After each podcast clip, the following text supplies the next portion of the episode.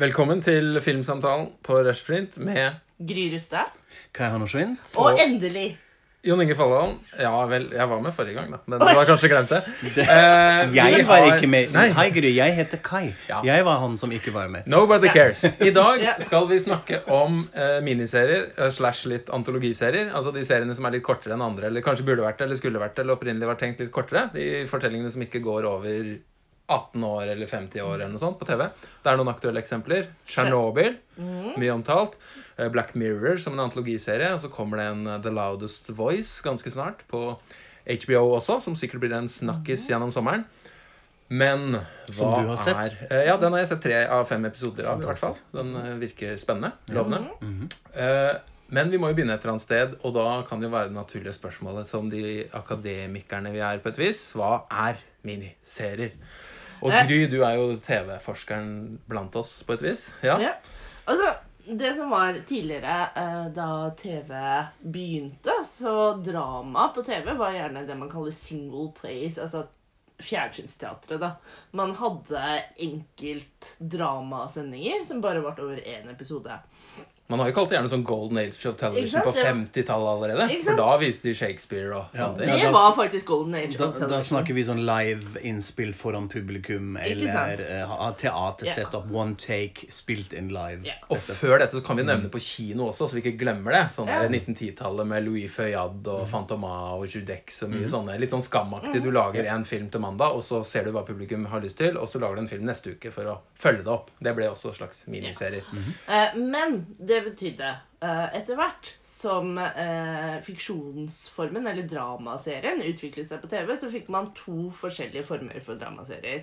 Det ene var den episodiske primetime-serien. Altså Dette var jo en tid hvor man ikke kunne ta opp serier.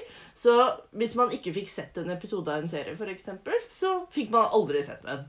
Eh, for man hadde jo ikke opptak. Det var ikke noe TiVo, det var ikke noe Getbox, det var ikke noe strømming. Joy of missing out. Ikke sant? Eh, Så derfor hadde man i disse primetime-seriene så var det bare én handling hver gang, og så var det en avsluttende handling hver gang. Litt sånn som Black Mirror. Eh, men man hadde de samme karakterene. da. Eksempel Colombo er et veldig godt eksempel på det. Eh, på den andre siden så hadde man da såpeserien. Eh, og det er en serie som hvor det, det er mer et premiss, og så skjer det liksom Er, er det en utvikling eh, mellom karakterene? Altså det er hele tiden relasjonene de er opptatt av. Mens i den episodiske serien så er det kanskje mer et, et enkelt plott i hver episode. F.eks. et mord som skal løses, eller en sak som skal vinnes av advokaten. Eh, så det som skjedde, var jo da eh, på eh, 50-tallet så var BBC veldig tidlig ute og begynte å lage masse litterære adaptasjoner av eh, deres eh, litterære kanon. Altså Jane Austen, eh, Jane Eyre eh, ble lagd veldig tidlig. Så BBC Jane. Det er mye Jane på den tiden. ja, veldig mye Jane. Eh, og dette var jo en tradisjon de tok med seg eh, fra ehm, radioen, hvor man på britisk radio var vant til å høre på at disse litterære klassikerne ble lest opp. eh, et kapittel om gangen, f.eks. Radioteatret også. Rett og slett. Eh, Men så, i, eh, på 70-tallet, så får liksom det vi kjenner i dag som miniserien sitt store gjennombrudd med eh, filmatiseringen av Alex Haleys Roots. Det ble en kjempesuksess, eh, som da handler om en slaves eh, vei fra liksom Afrika til USA som slave under slavetiden. Eh, og da eh, begynte man eh, å lage flere og flere miniserier. Og det kanskje miniserie er da kjennetegnet av, er at det, den er den er faktisk liksom en lang film. Ikke sant, Mens TV-serien bare er altså såpeserien bare er en midte, og den episodiske serien var liksom små minifilmer hver gang. Ikke sant, Colombo, Twilight Zone. Så var miniserien Så kunne man følge de samme karakterene i en historie uh, som utviklet seg over en periode på f.eks. fem episoder, seks episoder, tolv episoder. Og er ikke kjennetegn også at man ikke nødvendigvis har denne litt sånn påtvungne klimaksen at miniserier gjerne går sånn i ett. Altså En episode slutter, og den fortsetter akkurat der den slutter i neste episode. Yeah. hvor man har altså det du var inne på, en film som har på en måte klippet opp, for å si det litt enkelt. Så den har, en miniserie har da en begynnelse, en midt og en slutt. Og Det er kanskje grunnen til at veldig mange i dag eh, Altså at Tsjernobyl ble så populær, da, for eksempel, er jo at den har en veldig sånn klar eh, begynnelse, midt og slutt. Uh, og en veldig kondensert historie. Og de på 70-tallet var vel veldig sånn episke. Du hadde vel Holocaust, og du hadde Roots og Tsjernobyl går kanskje litt inn i dag. De der litt sånn store katastrofene, eller nord og sør og uh, War and Peace. Det er, eh, det, er en, det er en måte som TV har tatt tak i en del sånne store historiske kriger eller eh, katastrofer og den slags. Men du har også i nyere tid mer sånne neppe- og miniserier, særlig de HBO har produsert, hvor det er kanskje litt sånn litterære adaptasjoner, Olive Kitteridge, eller du har Show Me a Hero, som er mer de ikke sånn ytre dramatisk sett veldig store, men eh, Men allikevel events, fordi det er jo serier som gjerne har de store navnene. ikke sant? Man har jo snakket veldig mye om at Meryl Streep er endelig på TV nå i Big Little Lies, men hun har jo faktisk vært på TV før. I HBO's Angels in America, hvor hun spilte sammen med um, Med Emma Thompson og, Og Al eh, Pacino. så spiller vel hun Ja. i Holocaust. og Holocaust. Ja, er ja. også på TV. 70-tallet. Miniserie. Men er det et sånn har kjennetegn av en TV-krise at vi nå snakker om miniserie igjen som the new hot shit? eh, som blir plutselig så spennende og interessant å se på. eh, etter vi har vært veldig mye på de seriene, og man har nå en sånn trøtthet eh, rundt klassiske TV-serier. Altså denne Game of Thrones-shitstormen som vi fortsatt står litt i. Med masse skuffete fans verden rundt fordi man har litt sånn ødelagt denne serien. Hva tenker dere? Eller er det litt tilfeldig fordi Tsjernobyl var en sånn snakkes nå? Eh, jeg har tenkt på det veldig mye, og jeg tror mye av problemet er eh, med filmbransjen. Altså Man har historier uh, som egentlig skulle vært en film. Mr. Robot for eksempel, var jo tenkt som en film, og plutselig har det blitt en tresesongs TV-serie. Eh, så det, liksom dette plottet blir bare dratt ut og dratt ut og dratt ut. Mens det egentlig kanskje er skapt for å bare vare en to timers lang spillefilm. Um, eh, så det man ser, er jo ofte at man tar historier som tidligere var enten kondensert ned på én episode, en krimhistorie, og strekker den over 13 episoder. Og da er det jo sånn at de episodene i midten er jo kjempekjedelig. For du vet jo at morderen ikke kommer til å bli tatt eller avslørt i episode 5. Når Så det er er- 13 episoder i sesongen. Ytre faktorer, strukturelle, økonomiske, Ikke politiske, sant? Sånne ting. Altså, da reagerer innhold på den industrielle konteksten. Så må man jo også glemme gjerne litt at det, det er produksjonsselskaper som har arbeidsplasser. Og nå har vi fått budsjett, og vi skal ha budsjett til neste år igjen. Så må vi ja. skrive serien videre. Og når du har drukket det halve glasset med saft, så heller du bare på mer vann. Så får du fortsatt mer saft. Og til slutt så blir det jo vann. Ja. Som jo også er veldig godt, da. Det ikke for å si noe stygt om vann. Men det er jo litt i tiden altså akkurat nå. Det er jo en grunn til at vi også, som er uh, Zeitgeist-ryttere, vi sitter her nå og snakker om disse tingene. Fordi du har da det eksempelet med Tsjernobyl, som mange har snakket om. Så vi kan da komme litt mer tilbake i detalj til. Du har lovet en fun fact òg, som jeg ikke har uh, fått avslørt ennå, Kai. Eh, Black Mirror, som sagt, og denne The Loudest Voice. Uh, men Big skulle vi Little ha Lies. Big Little Lies også. Men skulle vi ha, før vi eh, går på det som er aktuelt nå, tatt eh, etter den historiske gjennomgangen på et vis, hva er det våre eh, favoritter er? Hva er det vi har satt høyest inntil nå? Det kunne vært litt spennende. Vi har en topp tre-to-liste, et eller annet sånt. Ja. Gry, kanskje du vil begynne? Ja, eh, mine favoritt-miniserier er 'Scener fra et ekteskap' av Ingmar Bergman. Mhm. Som også ble kinofilm, ikke Ja. sant? Så Eh, Helt fantastisk eh, kammerdrama om et eh, ekteskap som går i stykker. Eh, og det er jo også veldig kult med miniserien, fordi det var jo hvordan TV tidligere fikk tak i disse store navnene. Uh, ikke sant? Um, uh, Fassbender har vi også lagd Berlin-Alexanderplatz. ja, og Altså- andre serier også. Ja. Mm. Så det var et sted hvor liksom disse store uh, autørene eh, kunne liksom leke seg med serieformatet. Uh, så den er helt nydelig. Veldig veldig spilt. Men jeg tror de to uh, miniseriene jeg har sett flest ganger, er 'Stolthet og fordom', altså BBC-serien fra 90-tallet med Colin Firth. Den tror jeg helt sikker uh, Jeg er helt sikker på at jeg i hvert fall har sett den fem ganger. Kanskje mer enn det. Og så er det Banner Brothers, som jeg også har sett veldig veldig mange ganger. Ja, det er litt ytterpunkter. Her må Ja. du eh, si noe. Fortell psykologen om dette. Hva, hvorfor er dette de du liker best? Si det. Altså, For du har krig, og så har du den veldig litt sånn sarte kjærlighetskostymeverden. Eller? Jeg, jeg er en kompleks, mangfoldig Ja, kvinne som liker mye forskjellig. Hva er det du liker best med Band of Brothers, da? Uh, Band of Brothers, da tror jeg vel det er jo Altså, det er jo nødvendig Det var jo den første store uh, serien om andre verdenskrig. Eh, du vil vel kanskje se på det som en tragisk serie? Kai? Band of Brothers? Ja. Det er jo Er det, noen, er det noen som ser på det som en komedie? Den personen vil jeg gjerne snakke med. Nei, jeg tenker det er jo liksom Dere taper, og det er så trist.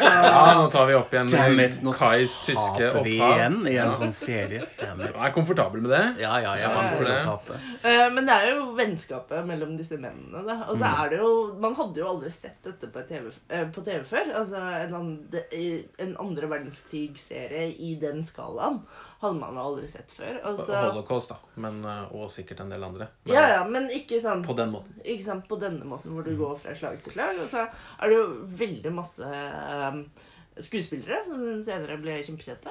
Jimmy Fallon oppdaget jeg. var David Schwimmer var med til og Ja. med i en helt annen rolle. Ja, Du har jo akkurat levert manus på en Friends-bok, så det blir en spennende podkast neste år, kanskje. Nei, til Nei, høsten. i høst. Kommer ut i september. Fantastisk. Hva heter boken?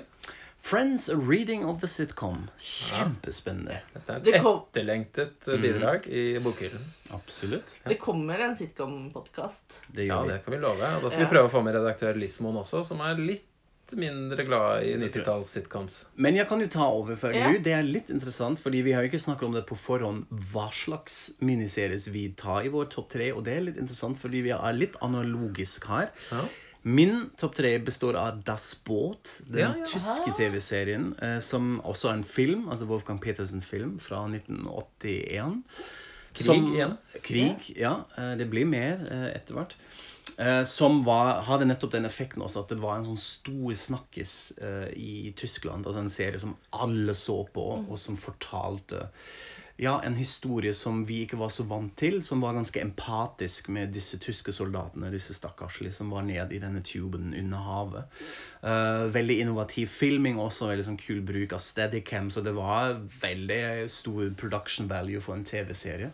Og jeg syns TV-serien er eh, enda bedre enn filmversjonen, som ble klippet eh, sammen etter hvert.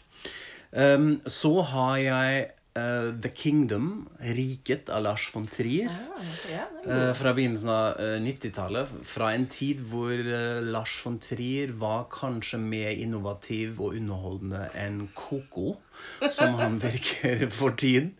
Jeg syns fortsatt det er interessant å se på filmene hans, men det er noe at det er en sånn bismak som er slitsom med han. Men eh, dette er en fantastisk serie som han, handler om et sykehus eh, hvor det spøker. Eh, så samtidig er det en ganske interessant sjangermiks som man kanskje ikke ofte klarer i en miniserie.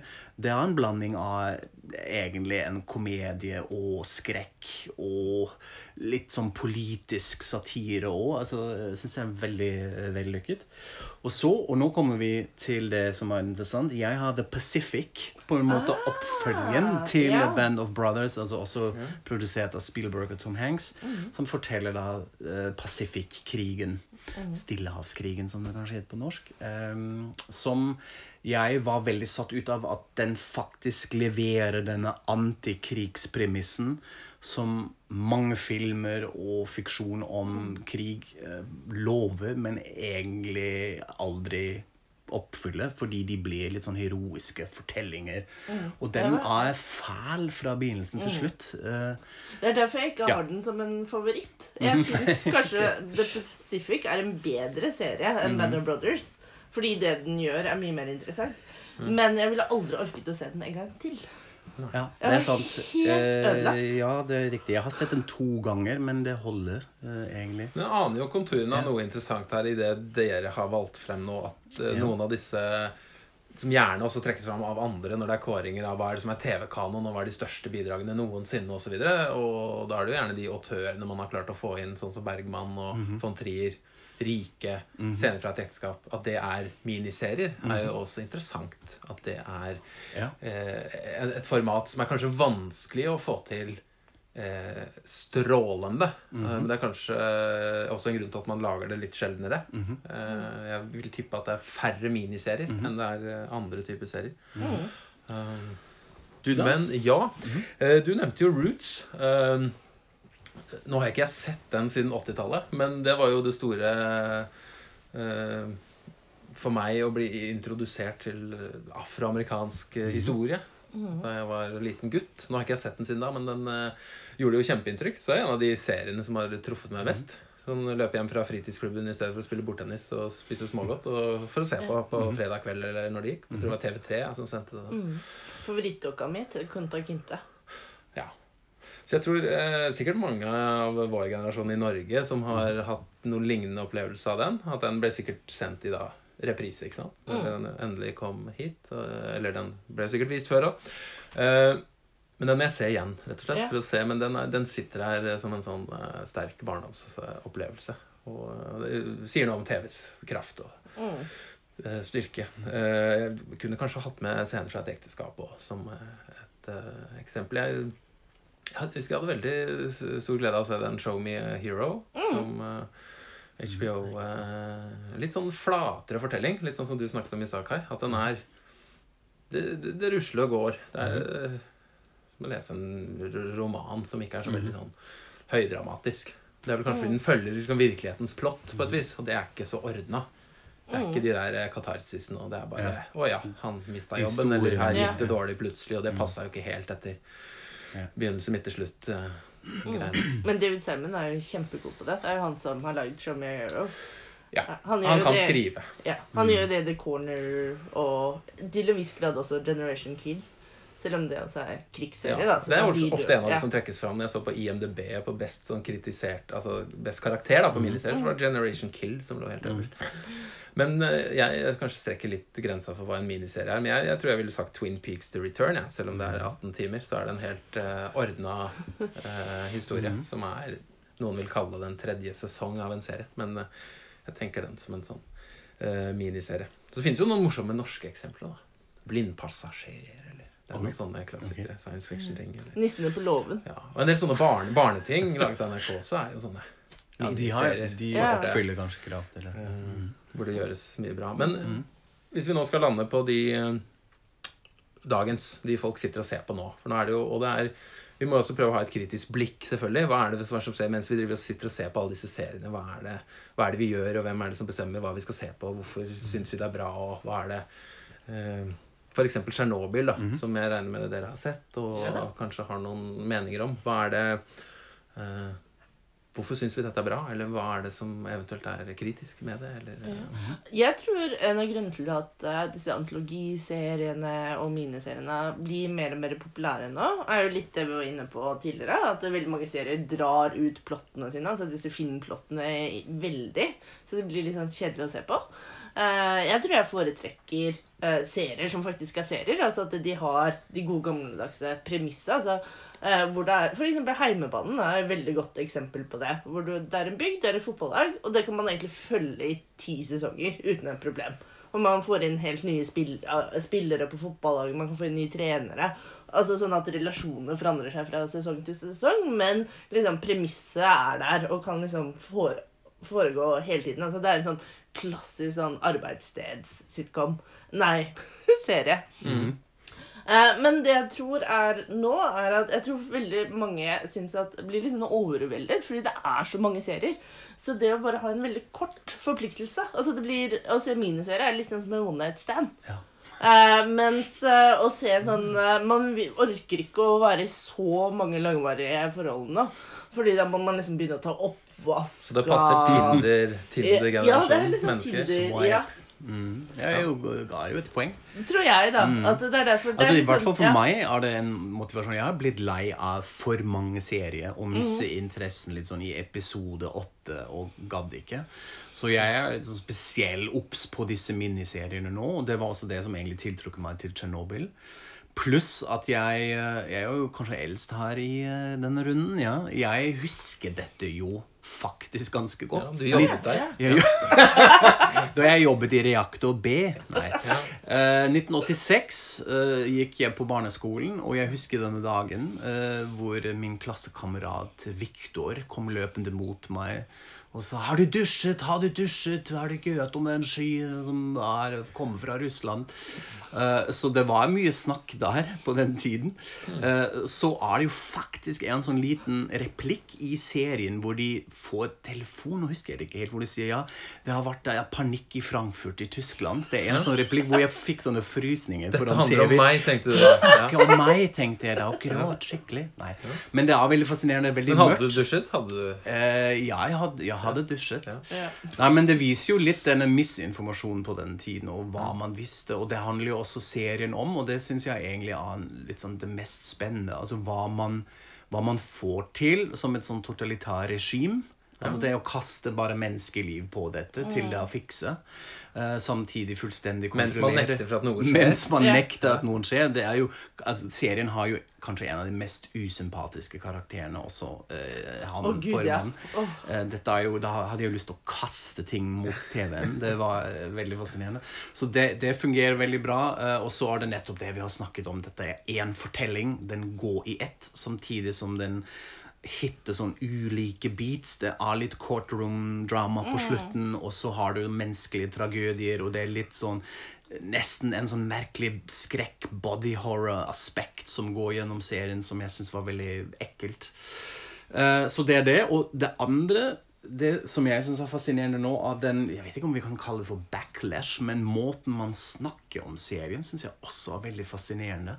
Fins massevis av artikler som enten hylle hyller serien eller sier 'What Chernobyl got wrong', og 'hvorfor dette er farlig', og de sprer løgn, og, som jeg syns er veldig interessant. Så de, de har, har kanskje hittet et sånn sore spot i Zeitgeisten akkurat nå, med måten de forteller den historien, og uh, hvordan vi reagerer på dette.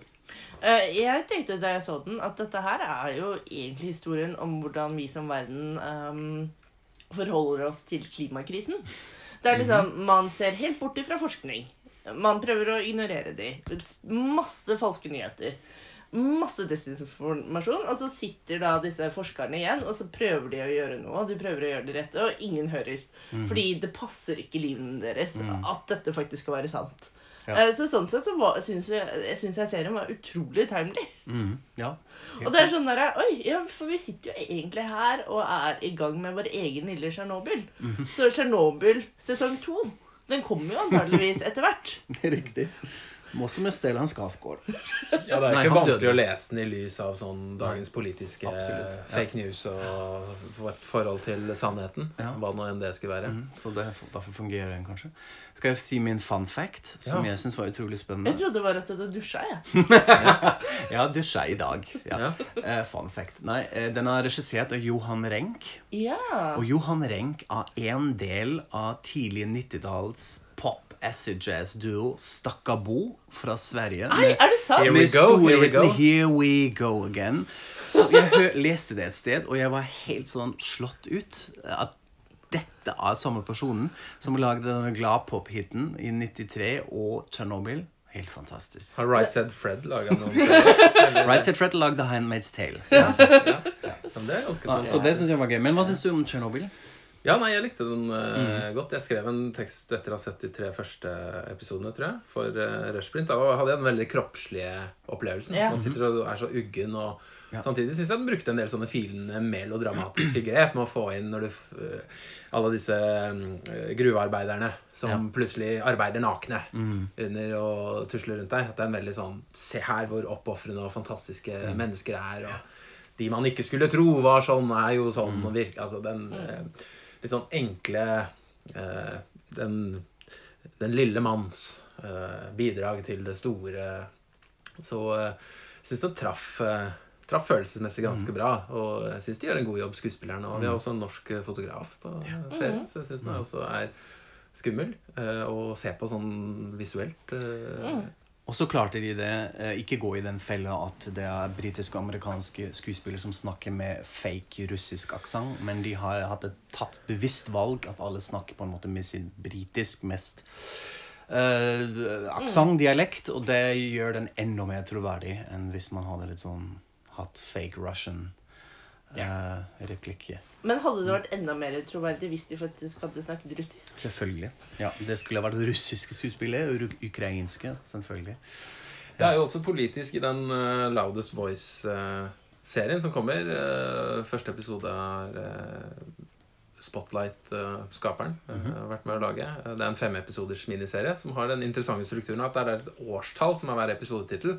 Så har 1996, 2001, 2008, 2009 og nå husker jeg ikke siste. Uh, Jeg har sett de tre første, hvor Russell Crowe spiller Roger Ailes som ble hentet inn i 1996 da, for å starte Fox News. Så det er egentlig fortellingen om USA gjennom brillene til Fox News. da, Og en slags Ja. sånn eh, eh, proto-Steve Bannon som eh, eh, forsøker å stjele tilbake eh, den offentligheten fra demokratene som har nå hatt den i 50 år, og nå må vi right wing også få en stemme ut i verden. Og Høres deprimerende ut. ja, det er ikke noe særlig sånn koselig. Så du, har, du kan jo henge det på sånn metoo-debatt. Det er en del sånne ekle scener med eldre, tykk mann filmer ung, vakker blondine mens hun utfører seksuelle akter.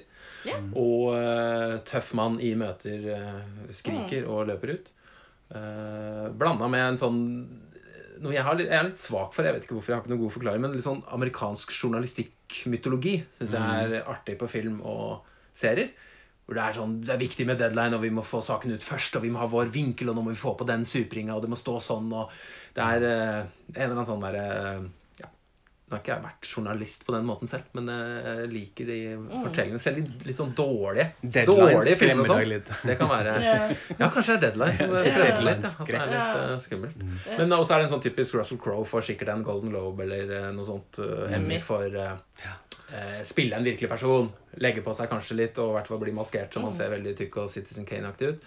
Så eh, ja. Den eh, vil jeg jo anbefale folk å, å se. Jeg tror også dere vil like den. Det blir sikkert en sånn snakkis- og kronikkmaskin Ja, det høres sånn ut. om eh, Den har premiere 1. juli, så det er ganske snart. Og det er også noe nytt at man peprer sommeren full av gode serier også. ikke sant? Det har jo ikke vært vanlig opp igjennom. Da har det vært repriser og masse dritt. Mm. Nå er det blockbuster-ting Han forsøker Ja, å få folk til å. Og så Ja. kanskje Big Little Lies, som Ja. vi kan jo nevne. Fordi det var jo, som jeg forsto det, planlagt som en miniserie. Yep. Dette skulle ikke ha en sesong Men den har hatt en lekkasje og renner videre utover. Og så ville plutselig Meryl Streep være med, og så ville Andrea Arnold regissere andre sesong, så da var det jo greit, da. Ja. Men jeg syns det fungerer, altså. Jeg syns det er kjempebra så langt. Så langt. Så det er ikke det at de har gått tom for historie her, da. At de, det er ikke bare sånn der 'nå skal vi tjene penger', men det er faktisk en historie her. Men Ja. jeg tror altså disse kvinnene som er i Big Little Lies, altså de kunne antakeligvis ha fremført telefonkatalogen, og det hadde, mm, hadde fremdeles vært bra. Ja, det er jo det. Og det det er litt interessant, fordi jeg var litt sånn Ja, gidder jeg fortsatt å henge med disse karakterene? Men etter første episoden var jeg litt sånn Ja, jo, det funker fortsatt. Spesielt interessant med Reece Witherspoon, at hun er så klar til å fremstille seg på den masete måten som hun yeah. gjør. Hun er lav, vet du. Uh, ja, ja. absolutt. Hun er veldig lav. Det sier jo Meryl Streep. Ja, man kan ikke stole på lave Nei, mennesker. der kan man ikke. Ja, um, Jeg har da ikke sett. Å, nå har vi En spoila en eh, stor gag, ja.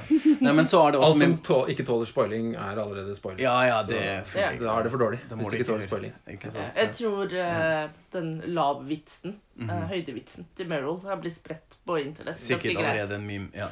Men også Meryl Streep er jo da virkelig interessant. Altså, det er jo nesten et sånn Ja, hva skal man si det? Ja, ja, Meryl Streep er god.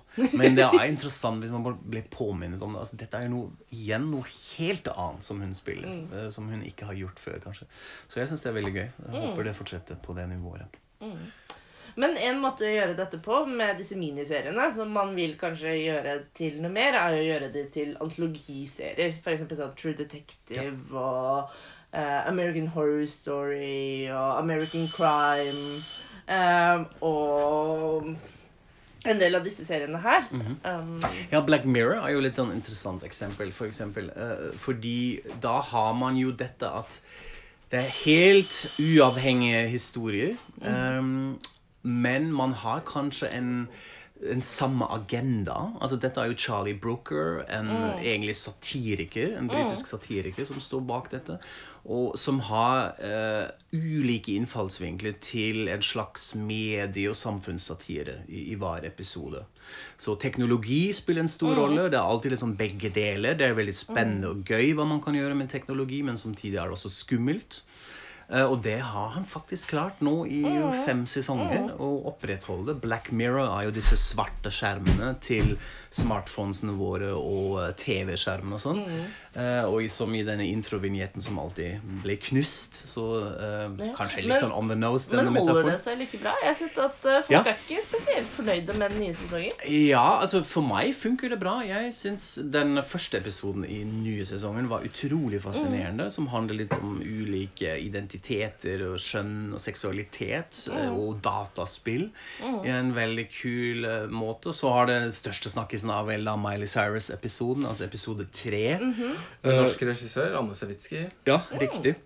Som jeg merker nok ikke var så begeistret av. Altså jeg var litt sånn, ja, ja, det er The Miley Cyrus Show, men jeg synes ikke det, Det som er litt interessant med de anmeldelsene jeg har lest av den, er Mhm. at, at folk er så veldig opptatt av å, at, at man skal velge. At jeg likte én og to eller tre, oh, ja, eller tre ja, og fire. Eller at det er, Stemmer. det er noen som er veldig favoritt av én, og så hater de to og tre. Eller så liker de ikke én, og så liker de to og tre. Eller så, altså, Ja. Det er en sånn den, Det virker som den på en måte tvinger oss med den andre serien til å si Ja. Jeg likte det er ikke så viktig i Game of Thrones om det var episode 1 eller 2 eller 3 eller 4 du likte best, kanskje, selv om du har noen av tendensene der også. Så det er kanskje noe med formatet som får oss til å eh, Ja, også kanskje fordi vi er så kondisjonert på den serialiteten at vi må se en helhet og sammenligne.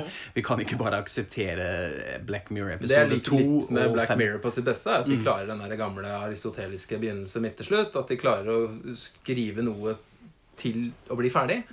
Og det er vanskelig å gjøre skikkelig. Og jeg syns den på sitt beste klarer å gjøre det. Å fortelle noe kort på en time. Og det er det de latskapen kan falle inn hos de som bare Ok, vi bare stopper. Etter så begynner vi igjen på minutt én etter Men Ja. den type fortelling var jo også veldig mye mer populær før. ikke sant? Som jeg sa, Du hadde jo The Single Play. Uh, er jo et eksempel, Men sånn Twilight Zone var jo en serie som gikk i årevis på USA, og som var mye av det samme, hvor det var liksom litt sånn skumle historier som varte sånn ca. en time. Ja. En Samtidig var de alltid sånne morality tales også. Altså, så var det en moral, et lærdom, som vi skulle ta av den.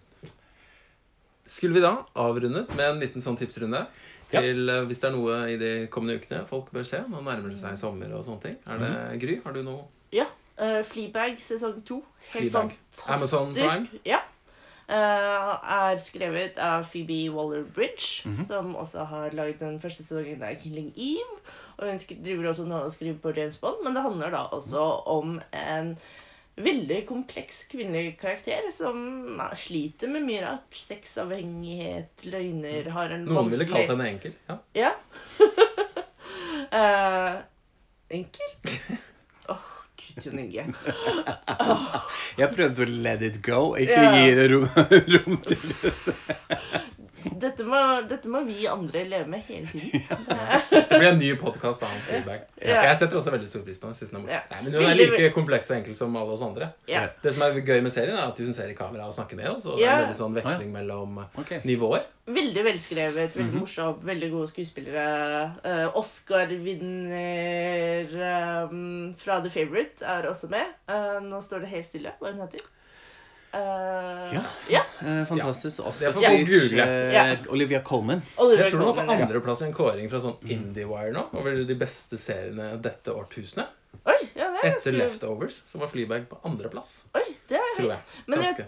tror sikkert. det er ganske stor sannsynlighet for at Fleabag kommer til å være definitivt topp tre av årets beste serier. For min del. Det er jeg nesten helt sikker på. Og den andre sesongen var helt glimrende. Kjempebra. Og de har en hot priest, så det er bare å se. Hot priest. Ja. Ok, jeg Ja, skal- har du noe lignende å tilby? Eh, nei, jeg har noe veldig medioker å anbefale, men som jeg koste meg veldig med. Wine Country på Netflix, regissert av Amy Poehler, med Amy Poehler, Tina Fey, Maya Rudolph. Eh, et 50-årslag som skal feires i Napa Valley, og eh, fem venninner som drar dit og opplever en sånn, ja, ja Sen coming of age, finne seg selv, henge sammen-episode. de fleste vil kanskje synes dette er bitte litt kjedelig, som jeg også vet Gry eh, tenkte om. Ja, jeg ble litt skuffa. Mer ja, men det var noe litt sånn forfriskende antiklimaktisk med det. De ikke prøvde å, å dra inn sånne store live lessons eller 'nå finner vi oss ordentlig selv'. Det var litt sånn tulling, men spilte nesten ingen rolle. Den ene, denne uh, caretaken på denne premisen hvor de bor, spilte Jason Schwartzman, var en veldig fantastisk sånn douchebag Men syns du den var morsom? Fordi det var mitt problem. Ja. Jeg syns ikke den var morsom. Den var litt morsom. Ja. Eh, Jeg syns den Mm. var morsom nok eh, for å kose seg med en flaske vin og se på den. Jeg ville heller sett uh, Always Be My, Be My Maybe. Den andre romantiske Da har vi da en komedien. protest fra Ja. den ene Som, som min anbefaling Ja. er uh, Jeg har ikke sett den, så jeg får ikke støttet deg. Eh, Nei, ok. Eller meg. Ja, Jo, jeg elsker Fleabag. ja. Jeg, jeg skal i hvert fall se på Fleabag. Uh, Det er fordi du er litt mer sympatisk. Ikke sant? Gry skal ja, Jo, hun har jo sett på Wine Country og hater den.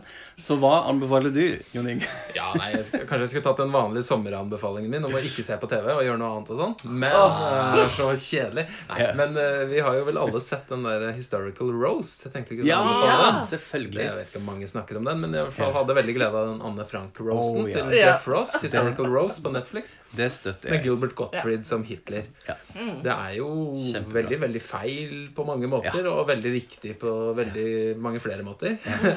så eh, ja, bare se den. Ser Ja. den Og, Den morsom. og hvis du ikke syns den er morsom, så syns du ikke den er morsom. Men hvis du liker den, så kan den du ler ganske mye. Ja. Mer enn av Wine Country, i hvert fall. Det er jeg også enig i. Altså, En roast av Anne Frank, bare premissen er jo fantastisk. Ja. Uh, og Gilbert Joffrey som Hitler, det, er, det må man se på. Netflix, uh, Historical Roasts med Jeff Ross. Ja. Men husk å være kritisk til hva du ser på TV-serier og strømmer, og ikke bare sitte hjemme og bare se på TV og kaste bort livet ditt heller. Er Eller du kan gjøre det også, hvis du vil. Takk, pappa. ja. Ok. Det er viktig. Og så kanskje vi har en ny podkast litt sånn sommer når sola har virkelig kommet inn. Hvis vi gidder det. Det gjør vi. Ja. Ja, vi satser på det. ja. Så får dere ha, ha det bra til neste gang. Ha det bra. Ha det.